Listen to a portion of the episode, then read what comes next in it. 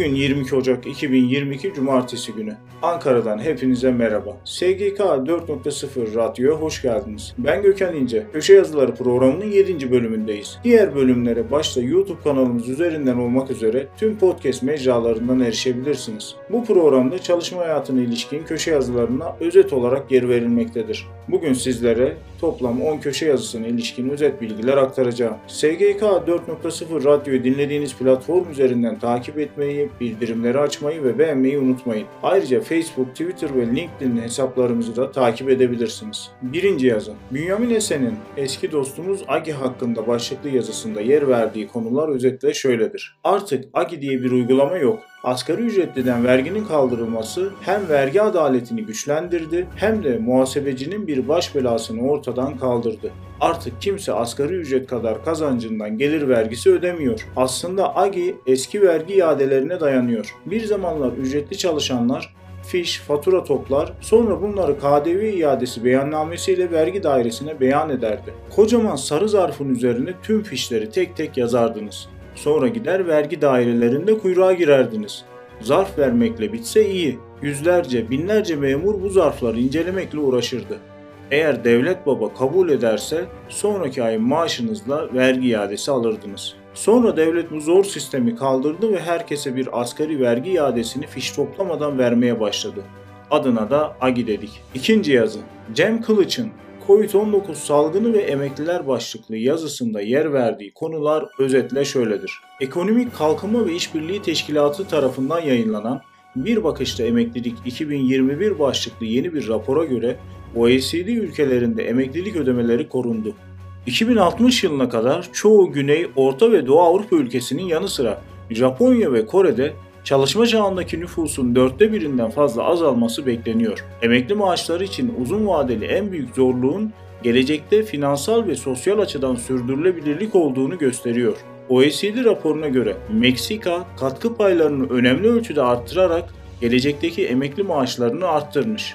Estonya, bireysel emekliliğe gönüllü katkılarda bulunmuş ve emeklilik varlıklarının geri çekmesine izin vermiş. Macaristan, Polonya ve Slovenya'da da kazanca bağlı emeklilik maaşlarını arttıran önlemler uygulanmış. Şili, Almanya, Letonya ve Meksika kariyerleri boyunca düşük kazanç elde eden bireyler için gelir korumasını arttırmaya dönük uygulamalara yönelmiş. İsveç'in kamu kazancına bağlı emekli maaşları için asgari emeklilik yaşını arttırdığını, Hollanda yaşam beklentisiyle gelecekteki bağlantının hızını düşürürken planlanan artışı ertelemiş ve İrlanda da 66 yıldan 68 yıla planlanan artışa ilişkin düzenlemeyi iptal etmiş. Danimarka, İrlanda, İtalya ve Litvanya erken emeklilik seçeneklerini uzatmış. Brezilya ise asgari emeklilik yaşlarını ve düzeltilmiş sosyal yardım hesaplamasını uygulamaya koymuş. Üçüncü yazı Ekrem Sarısu'nun 50 yaşını bekleyeceksiniz başlıklı yazısında yer verdiği konular özetle şöyledir. Askerliğinizi her zaman borçlanabilirsiniz.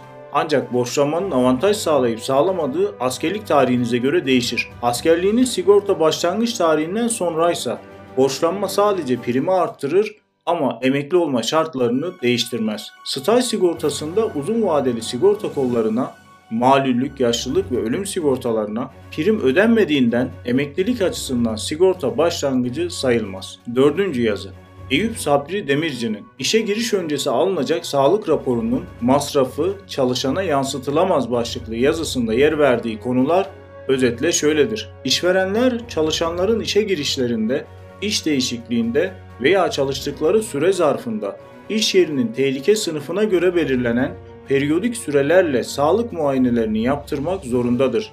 Tehlikeli ve çok tehlikeli sınıfta yer alan işlerde çalışacaklar, yapacakları işe uygun olduklarına dair sağlık raporu olmadan işe başlatılamaz. Sağlık gözetiminden doğan maliyet ve bu gözetimden kaynaklı her türlü ek maliyet işverence karşılanır ve çalışana yansıtılamaz. Aile hekimlerinden ve iş yeri hekimlerinden temin edilecek sağlık raporları ücretsiz olarak verilmektedir. Ancak iş yeri hekimlerince özellikle ağır ve tehlikeli işlerde rapor öncesi istenilen tahlil ve tetkikler için masraf yapılabilmektedir. Kamu hastanelerinden alınacak raporlar ile tahlil ve tetkikler içinde yine ödeme yapılabilmektedir. Çalışanların işe girişlerinden önce yapılan muayene ve tetkiklere ilişkin masrafların kimi zaman çalışanlara yansıtıldığı görülmektedir. Hizmet akdi kurulmuş olsun veya olmasın. İşe girişlerinden önce işverenlerince sağlık raporu almak için sağlık hizmet sunucularına yönlendiren çalışanlarca alınan sağlık raporu için ödenen ücretlerin çalışana yükletilemeyeceği aşikardır. İş Sağlığı ve Güvenliği Genel Müdürlüğü'nce yapılacak iki satırlık bir açıklama sahada yaşanan sorunları büyük ölçüde çözecektir. 5 puanlık prim indiriminden ve ikili prim teşviklerinden yararlanırken ödeme vadesi geçmiş borcun bulunup bulunmadığının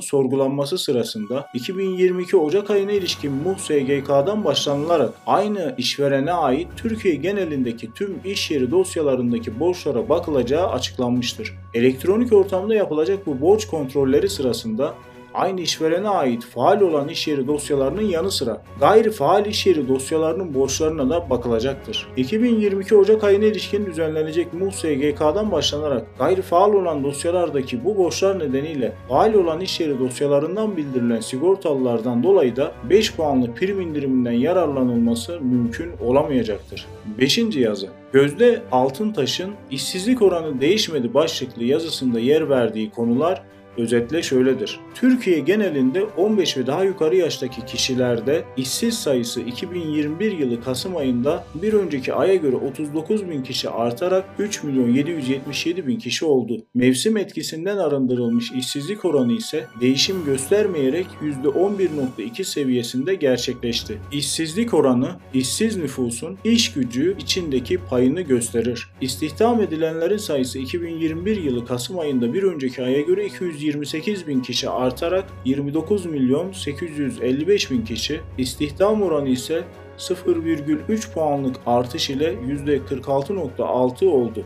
İş gücü 2021 yılı Kasım ayında bir önceki aya göre 267 bin kişi artarak 33 milyon 632 bin kişi, iş gücüne katılma oranı ise 0,4 puanlık artış ile %52.5 olarak gerçekleşti. 2020 Kasım ayında işsiz sayısı 4 milyon 61 bin kişi, istihdam edilenlerin sayısı 27 milyon 154 bin, işsizlik oranı %13, istihdam oranı ise %43.1 olmuştu. İş gücü verilerinde hem aylık hem hem de yıllık bazda bir iyileşme kaydedilirken salgının istihdam üzerindeki olumsuz etkisinin de azaldığı görülüyor. 6. yazı Mert Nayır'ın asgari ücret ile birlikte hepsi değişti. Rakamlarla 2022 yılı parametreleri başlıklı yazısında yer verdiği konular özetle şöyledir. 2022 yılı yemek parası tutarı 10,01 TL'dir. Çocuk zammı tutarı 100,08 TL'dir. Aile zammı tutarı 500,40 TL'dir. Bu tutarlar prim esas kazanca dahil edilmeyecektir. Askerlik ve doğum borçlanması tutarları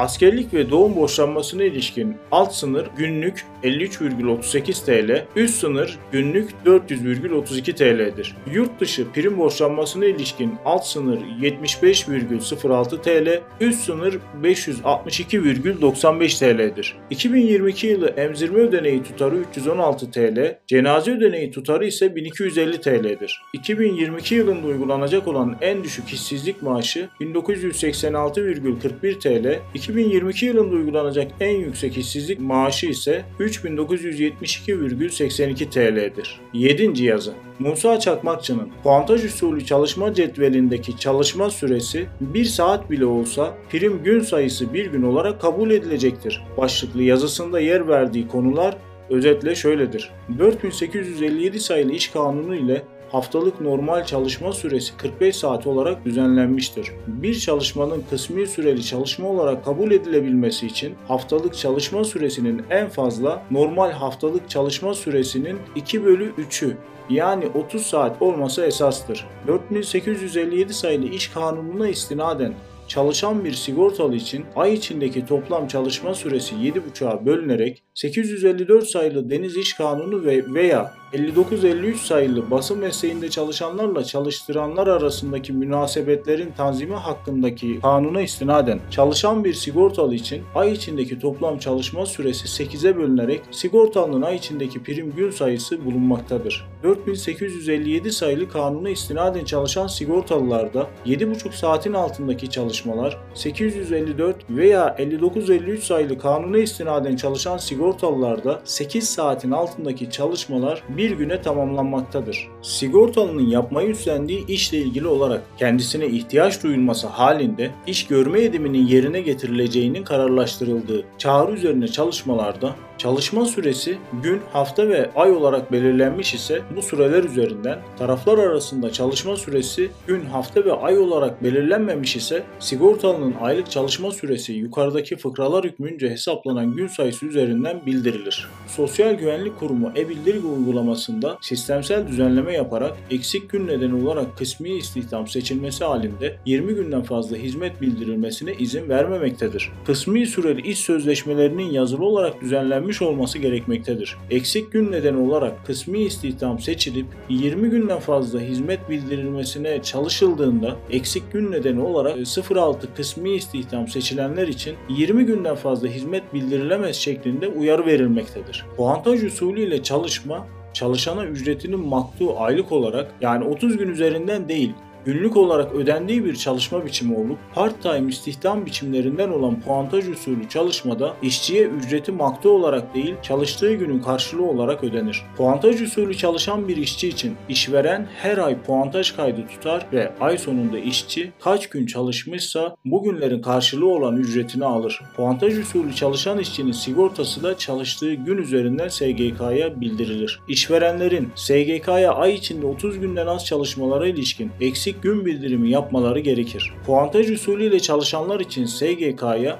07 puantaj kayıtları koduyla bildirim yapılır. Aylık prim ve hizmet belgelerinde eksik gün bildirim nedeni olarak 07 puantaj kayıtları olarak kodlamaları halinde SSİY'nin 10 nolu ekinde yer alan sigortalıların eksik gün bildirim formu ve ekinde verilecek puantaj kayıtlarında sigortalının imzasının bulunması gerekmektedir. Puantaj usulü çalışma cetvelindeki çalışma süresi 1 saat bile olsa prim gün sayısı bir gün olarak kabul edilecektir. Örnek 1 tam süreli iş sözleşmesi imzalanmış A sigortalısının puantaj cetvelinde haftanın 6 gününde 3 saatlik çalışmasının bulunduğu varsayıldığında sigortalının o haftadaki prim gün sayısı 7 gün olarak kabul edilecektir. Örnek 2. Tam süreli iş sözleşmesi imzalanmış A sigortalısının puantaj cetvelinde pazar günleri hariç ayın tamamında her gün 2 saatlik çalışması bulunan bir sigortalının prim gün sayısı ayın kaç gün olduğuna bakılmaksızın 30 gün kabul edilecektir. 8. yazı Pınar Yal Yalçın'ın yargı kararları ışığında mobbing başlıklı yazısında yer verdiği konular özetle şöyledir. Yargıtay kararlarında mobbing, işçinin hedef alınarak uzun bir süre ve belli aralıklarla sistematik biçimde tekrarlanan, mağdurun karşı koymasına rağmen yapılan aşağılayıcı, küçük düşürücü ve psikolojik olarak acı veren, işteki performansını engelleyen veyahut olumsuz bir çalışma ortamına sebep olan tehdit, şiddet, aşağılama, hakaret, ayrımcılık, ağır eleştiri, taciz ve çalışma şartlarını ağırlaştırma gibi eylem, tutum ve davranışlar olarak açıklanmıştır. Çalışma yaşamında mobbingden söz edebilmek için davranışların işçiyi hedef alan sistematik bir hal alması gerekir. Süreklilik göstermeyen, belli aralıklarla sık sık tekrarlanmayan, ara sıra müferit olarak meydana gelmiş birkaç haksız, kaba, nezaketsiz veya etik dışı davranış mobbing olarak nitelendirilemez. Mobbingin varlığı için kişilik haklarının ağır şekilde ihlaline gerek olmayıp kişilik haklarına yönelik haksızlığın tespiti yeterlidir. Mobbinge uğrayan işçilerin işveren veya işveren vekillerinin